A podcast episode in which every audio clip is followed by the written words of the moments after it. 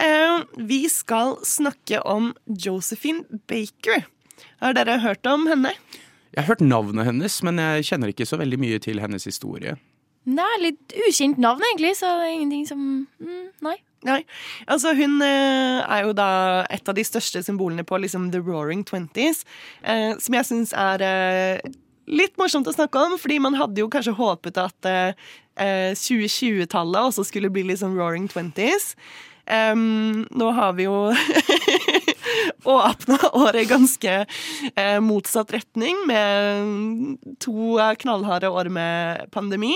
Så vi ser om det blir noe roaring nå som det begynner å bli bedre. Altså Hvis 2020-tallet er eh, på engelsk da, the equivalent eh, av 1920-tallet, så gruer jeg meg noe sykt til 30-tallet. Fordi at eh, det, det, er en sånn joke i USA. Bare sånn Yeah, the roaring twenties. Everyone knows that's the period that the party that never ended. Å, oh, huff a meg. La oss uh, krysse fingrene for at uh, vi slipper at uh, 2030-tallet Vi er jo på vei til nuclear war, så hvem vet? Oh.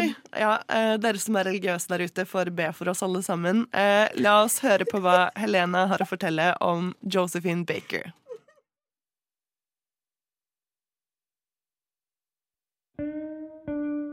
The Roaring Twenties, eller De glade 20-årene, var en periode på 1920-tallet der det var en kraftig oppsving i økonomien etter første verdenskrig, og det var en stor optimisme rundt om i storbyene i Europa og USA.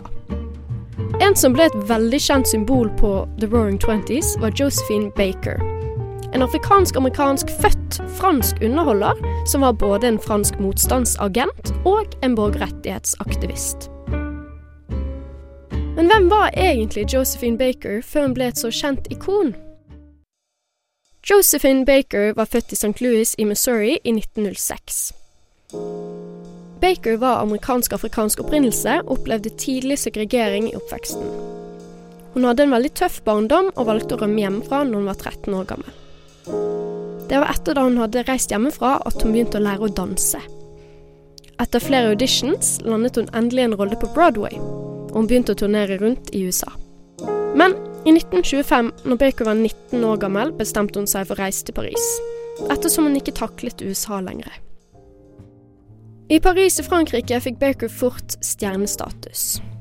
I løpet av sin tidlige karriere var Baker blant de mest berømte artistene som headet forestillinger i Paris. En av hennes opptreden i 1927 vakte oppsikt i byen. Kostymet hun brukte under forestillingen, var bestående av kun et kort skjørt med kunstige bananer og et perlekjede. Dette ble et ikonisk bilde og et symbol på både jazztiden og The Roaring Twenties. Showet ble kjempepopulært hos det franske publikummet, og Baker ble fort en av de mest populære og høyest betalte artistene i Europa. I 1936 returnerte Baker til USA for å opptre, i håp om å etablere seg som en artist i hjemlandet også. Men hun ble møtt på en generelt fiendtlig og rasistisk reaksjon, og returnerte raskt til Frankrike, skuffet over hennes mishandling. Da andre verdenskrig brøt ut senere de neste årene, jobbet Baker for Røde Kors under okkupasjonen av Frankrike. Hun underholdt også tropper i både Afrika og Midtøsten, men kanskje viktigst jobbet hun for den franske motstanden. Etter andre verdenskrig i løpet av 1950-årene vendte Baker ofte tilbake til USA for å gi sin støtte til The Civil Rights Movement. Hun deltok i demonstrasjoner og boikottet segregerte klubber og konsertsteder. Og i 1963 deltok Baker sammen med Martin Luther King jr. i The March on Washington. Hun var også en av de som holdt en tale den dagen. Og dette var noe hun sa i talen hennes. Jeg har gått inn i konger og dronningers palasser og inn i hus til presidenter og mye mer. Men jeg kunne ikke gå inn på et hotell i Amerika og få en kaffe, og det gjorde meg sint. Og når jeg blir sint, vet du at jeg åpner den store munnen min. Pass på, for når Josephine åpner munnen, hører de det over hele verden. Etter at Martin Luther King jr. ble drept, spurte enken hans, Coretta Scott King, Josephine Baker om hun ville ta over ektemannens plass som leder av The Civil Rights Movement. Etter en stund over å ha tenkt over det, bestemte Baker seg for å takke nei, ettersom hun mente at barna hennes var for unge til å miste moren sin. Etter Baker sin død i 1975 var det flere enn 20 000 som deltok i begravelsen hennes i Paris. Hun hadde gjort et stort inntrykk på veldig mange, og som senest nå i 2021 ble hun hedret med å bli begravet i Pantheon.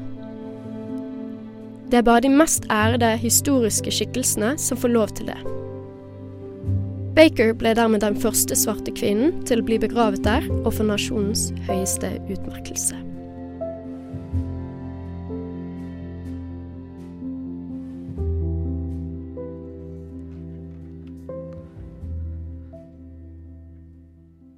Reporter i denne saken var Helena Skrøder, og musikken er hentet fra Blue Sessions. Straks så skal vi høre litt om hvorfor vi benker oss ned i sofaen med påskekrimmen.